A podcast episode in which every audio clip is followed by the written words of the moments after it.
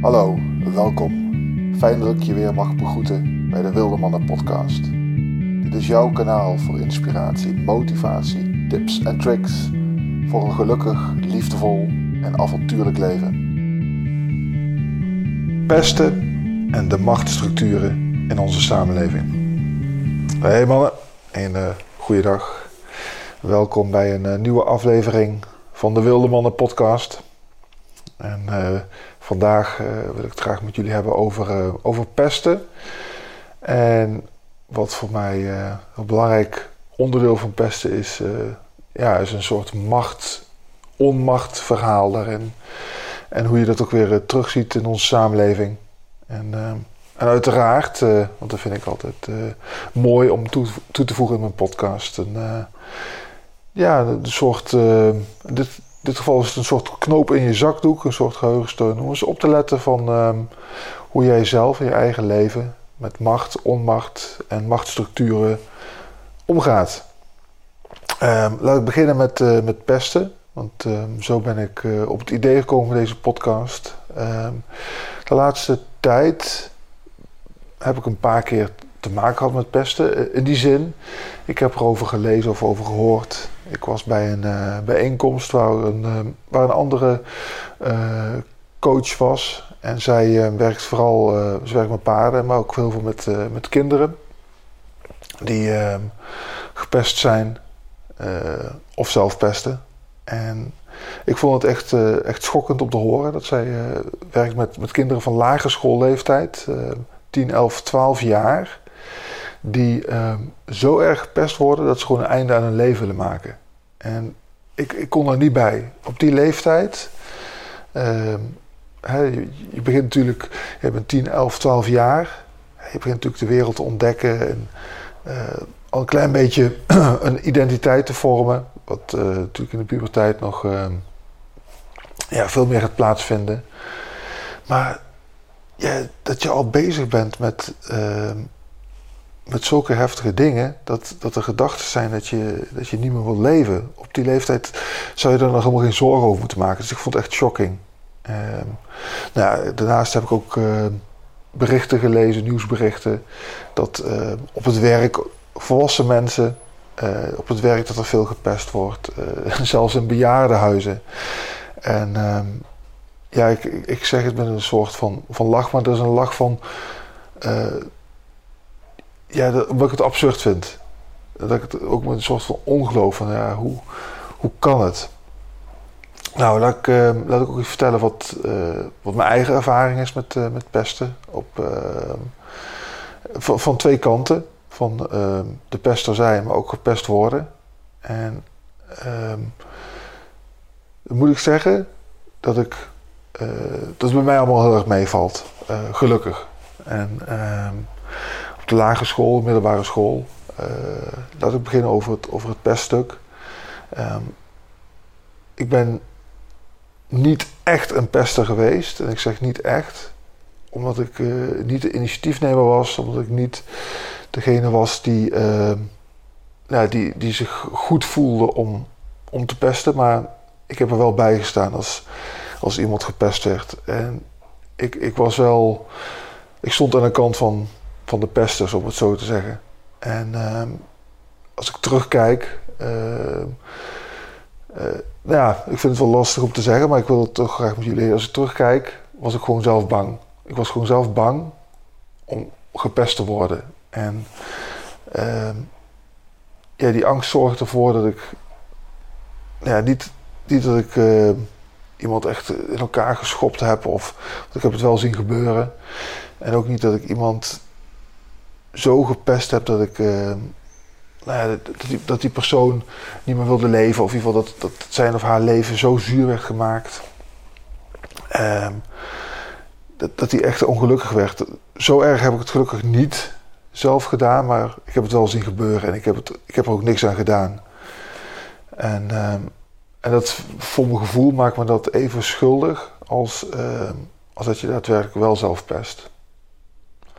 Aan de andere kant, ik ben zelf niet echt gepest. En niet echt, uh, dat houdt in dat ik, uh, nou ja, ik ben, ik ben lang. mensen die mij kennen en weten hoe ik, uh, hoe ik eruit zie. Ik ben uh, nu 2 meter 5, maar ik ben altijd, heel mijn leven, ben ik de langste van de klas geweest. En uh, ja, dat is natuurlijk een heel makkelijk onderwerp om mee te pesten. En het gaat van, van opmerkingen van, hey, is het koud erboven?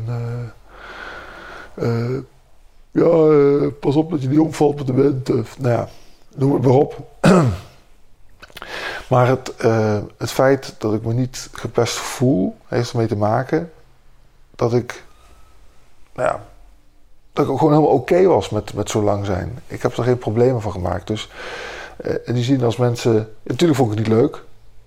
Als mensen mijn, mijn lengte gebruikten om ja, mij te kleineren of mij op een bepaalde manier neer te zetten. Nee, natuurlijk vond ik het niet tof, maar ja, ik, uh, ik was gewoon tevreden met hoe, uh, hoe ik eruit zag. En dat zorgde ervoor dat het me niet raakte. En ik kon, ik kon het een soort van me af laten glijden. En dat is ook een. Uh, ja, dat is denk ik gewoon heel, heel fijn geweest. Want stel je voor dat ik me wel geraakt voelde. En uh, dat, ik, dat ik me vervelend over voelde. Dat zorgde ervoor dat, dat de pesters in dat geval. ja, een soort van zin kregen. Of in die zin dat zij hun macht, hè, die, die je als pester hebt over de gepeste, dat ze hun macht, uh, ja, dat, dat het aansloeg. En dat ze konden voelen van, hé, hey, ik, heb, ik heb hem, ik heb die lange, die heb ik in mijn macht. Want hij vindt het vervelend als ik, uh, als ik hem lange noem.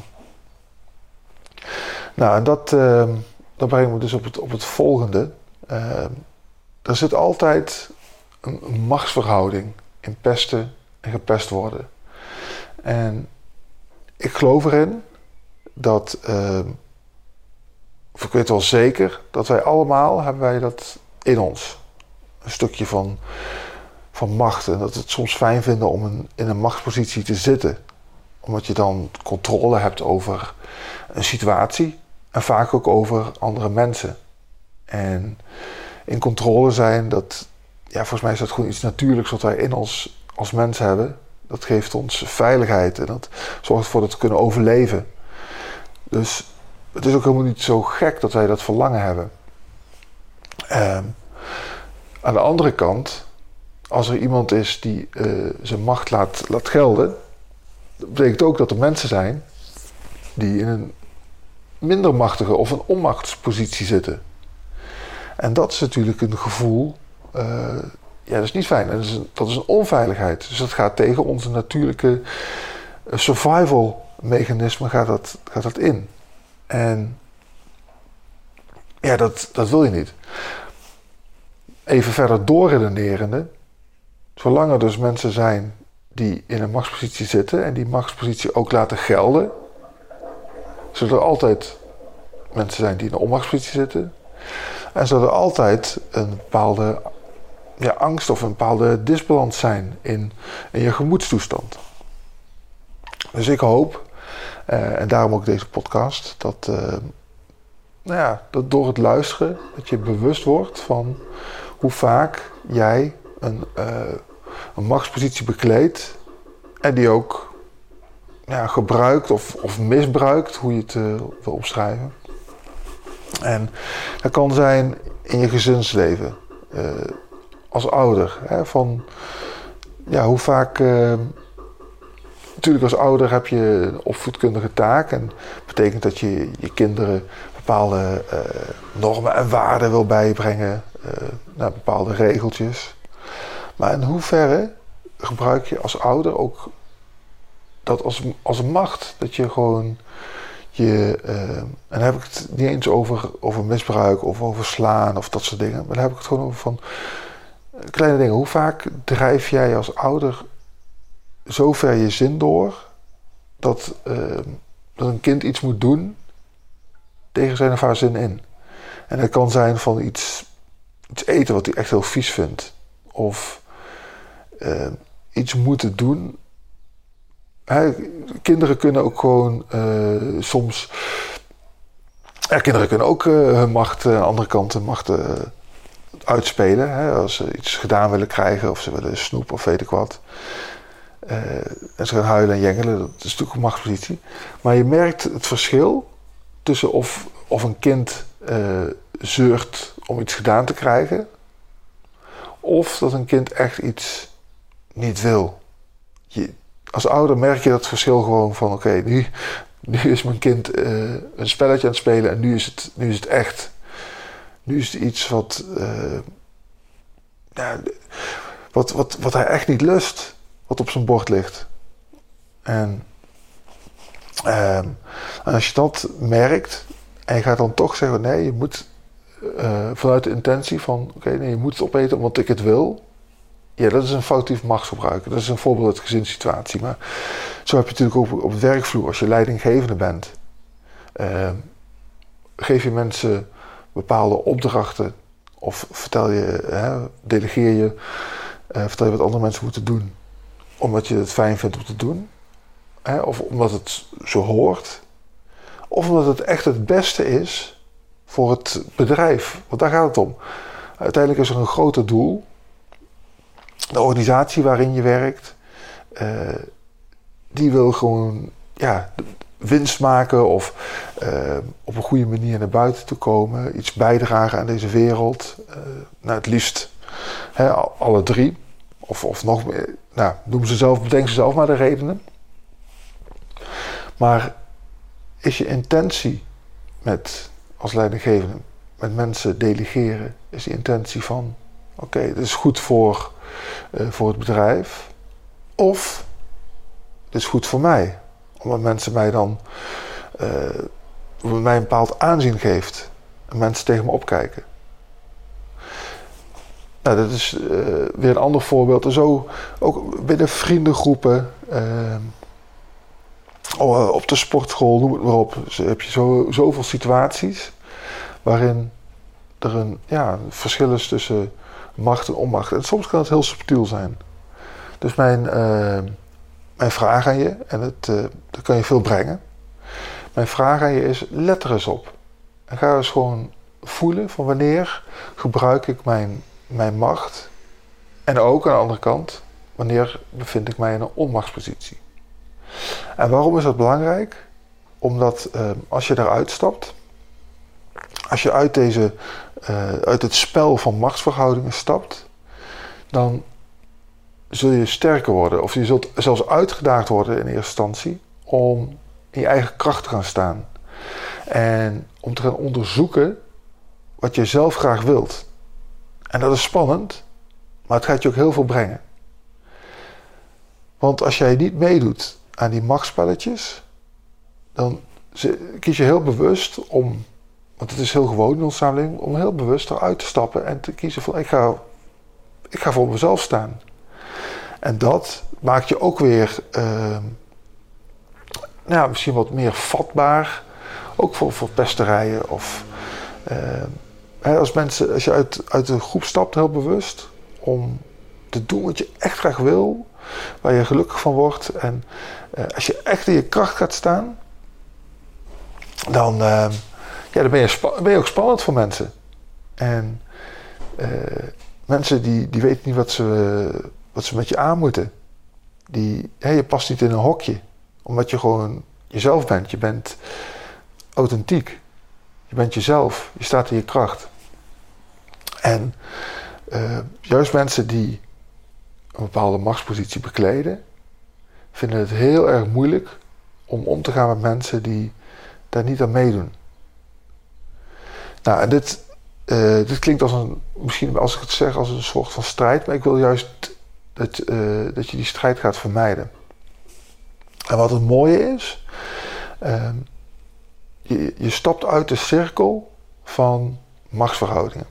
En daar bedoel ik mee dat uh, iemand die in een bepaalde machtspositie zit, die, nou ja, die kijkt misschien neer op anderen, maar diezelfde persoon, die kijkt ook uh, op tegen weer andere mensen.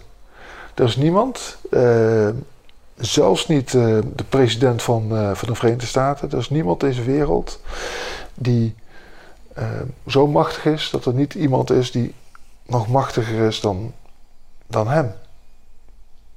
Dus er is altijd een, een verhouding. Sterker nog, ik, ik noemde het al even, het is een soort cirkel, een cirkel van machtsverhoudingen.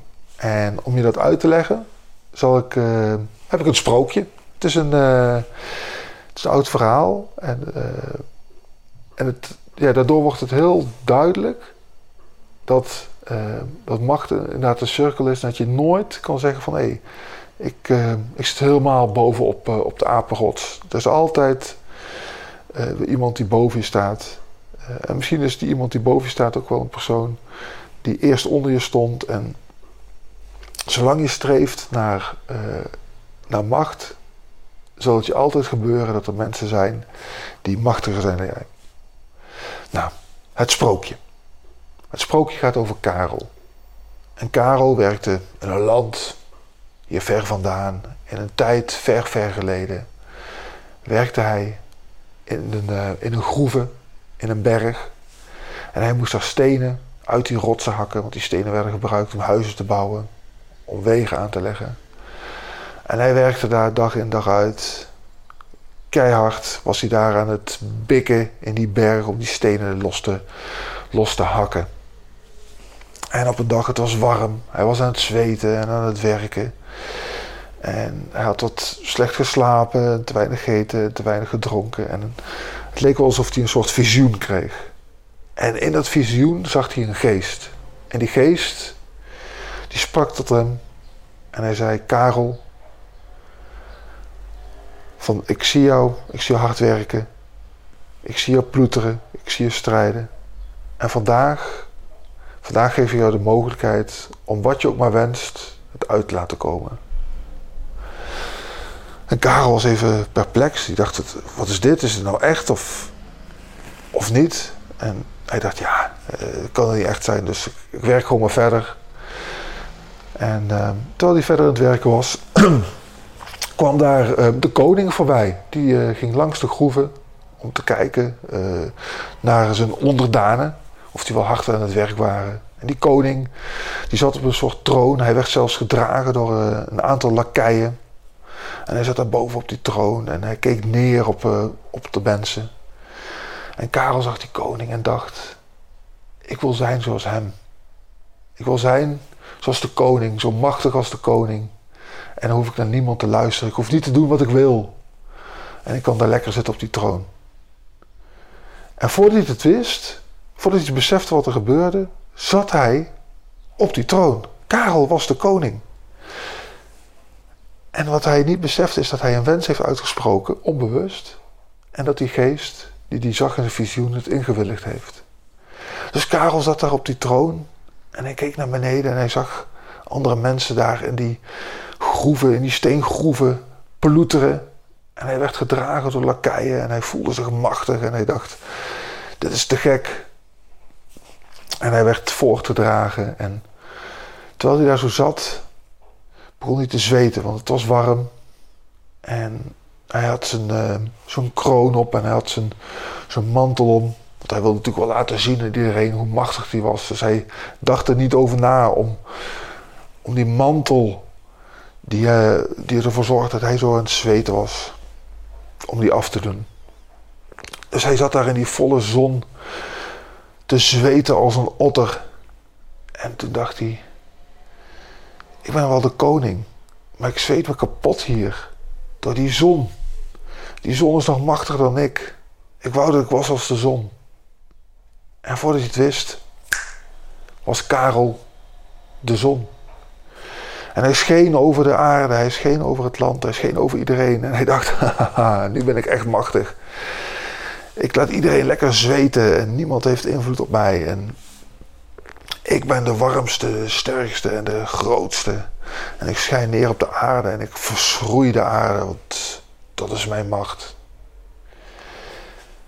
En op dat moment kwam er een wolk die voor hem ging hangen. En het enige wat hij nog kon beschijnen op dat moment was die wolk. Heel de aarde zat in de schaduw van de wolk. En Karel moest een beetje zuchten, want we kennen het verhaaltje op een gegeven moment ook al wel een beetje. Hij was er aan het denken en dacht van ja, ik ben wel de zon en ik kan dan wel zo lekker schijnen. Maar die wolk, die wolk heeft de macht over mij. Die wolk is toch veel machtiger. Die kan ervoor zorgen dat ik niet kan schijnen zoals ik wil. Ik wou dat ik was zoals die wolk. De allermachtigste. En op dat moment was hij de wolk. Karel was de wolk. En hij, hij had zoiets van, ja, ik zit tussen de zon en de aarde. En die zon die kan lekker schijnen wat hij wil, maar ik hou hem tegen. Ik zorg ervoor dat zijn kracht, zijn macht niet komt waar hij wil. Dus ik ben de aller, allermachtigste. En op dat moment begon het te waaien. En het waaide en het waaide. En de wolk woei verder. En de zon kon weer schijnen. En de wolk keek achterom naar de, naar de zon. En dacht, hé, hey, hoe kan het nou? Die zon die schijnt weer. En, en ik waai hier. Ik waai hier gewoon kanten op. En ik heb niet eens invloed erop. Die wind, die wind is nog machtiger. Die wind is de aller, allermachtigste. En ik wil zijn zoals de wolk, of als de wind. En op dat moment, instantly, was Karel de wind.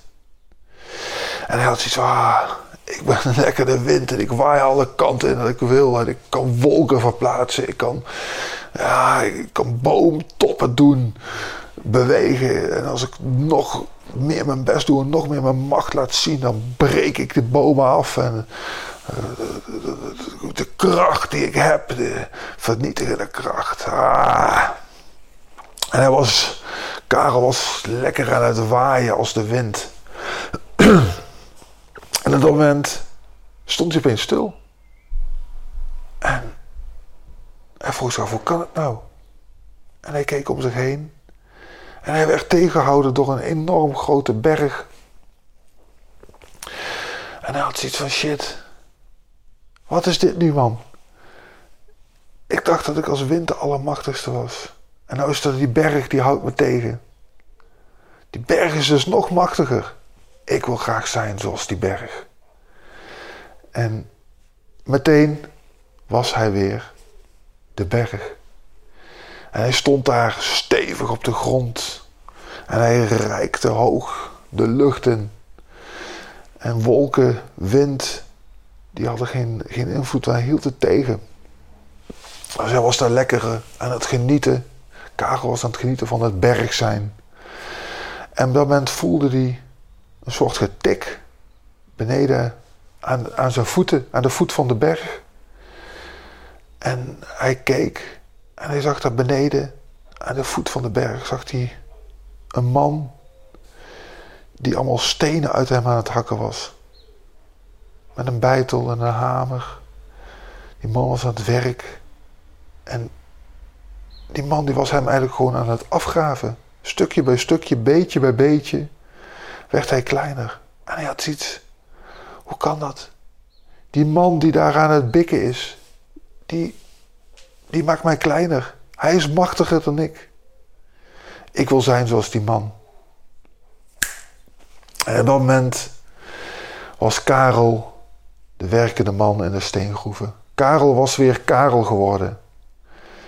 En op dat moment besefte hij, het maakt ook niet uit wat je bent of wie je bent, dat er altijd iets of iemand zal zijn die machtiger is dan jij. En er zal altijd iets of iemand zijn die minder machtig is dan jij. En het maakt helemaal niks uit. Want wat gedaan moet worden, moet gedaan worden. En op dat moment kon Karel zich berusten in het werk wat hij deed. En ook al scheen de zon, ook al waaide de wind, ook al was die berg hard en wilde die berg niet meegeven, en ook al kwam de koning langs om op hem neer te kijken. Karel was tevreden met de situatie waarin hij zat. En hij ging nog lang en gelukkig door met het werk. En hij stierf als een oud en wijs man. Nou, dit uh, is natuurlijk een, een verhaal wat niet uh, berust op de werkelijkheid. Maar ik, ik geloof dat je de, nou, de symboliek er, eruit kan pakken. En, en zo werkt het dus ook, dus ook echt En kijk eens gewoon door, ehm, door alle machtsstructuren heen, alle machtsinstituten. Ehm, ja, ik hoorde het laatst ook bijvoorbeeld weer toen, ehm, toen je mocht stemmen voor, voor de Europese parlement. En dat ook mensen niet gingen stemmen, zo van ja, het heeft toch allemaal geen zin. En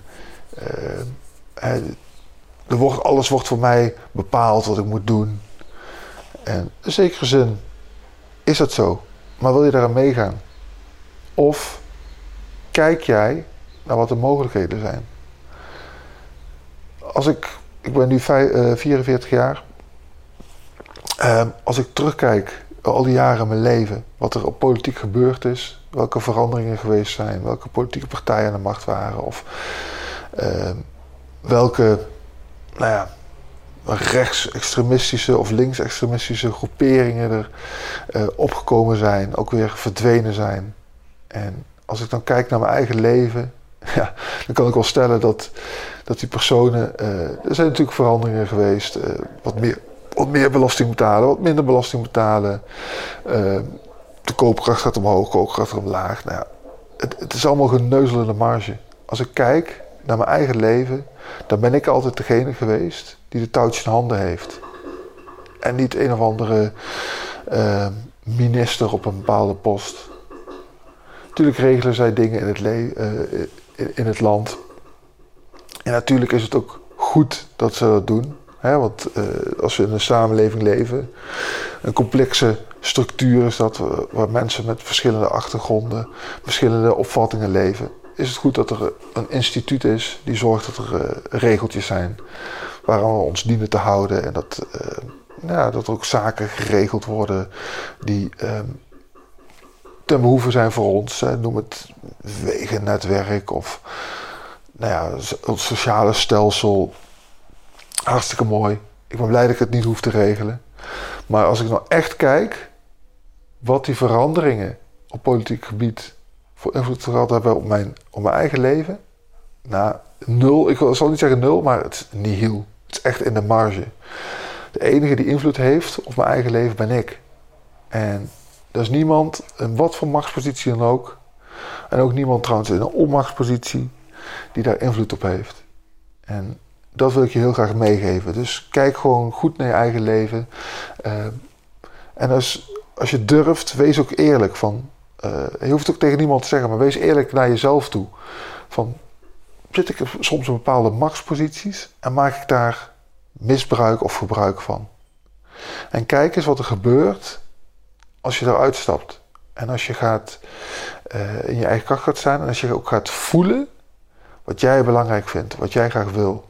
Dat jij de intentie hebt van, maakt niet uit wat ik doe, ik doe het voor een groter goed. En of het grote goed je eigen geluk is, of het, uh, het welzijn voor je gezin, of het, uh, nou ja, uh, de groei die je bedrijf kan doormaken. maakt niet uit. Als het een positieve intentie is die bijdraagt aan een, laat ik het maar even heel algemeen omschrijven, een mooiere wereld, ga er dan voor. Dus dit wil ik je heel graag meegeven. En ehm, nou, ik ben uh, inmiddels weer uh, lekker aan het oude hoeren geweest.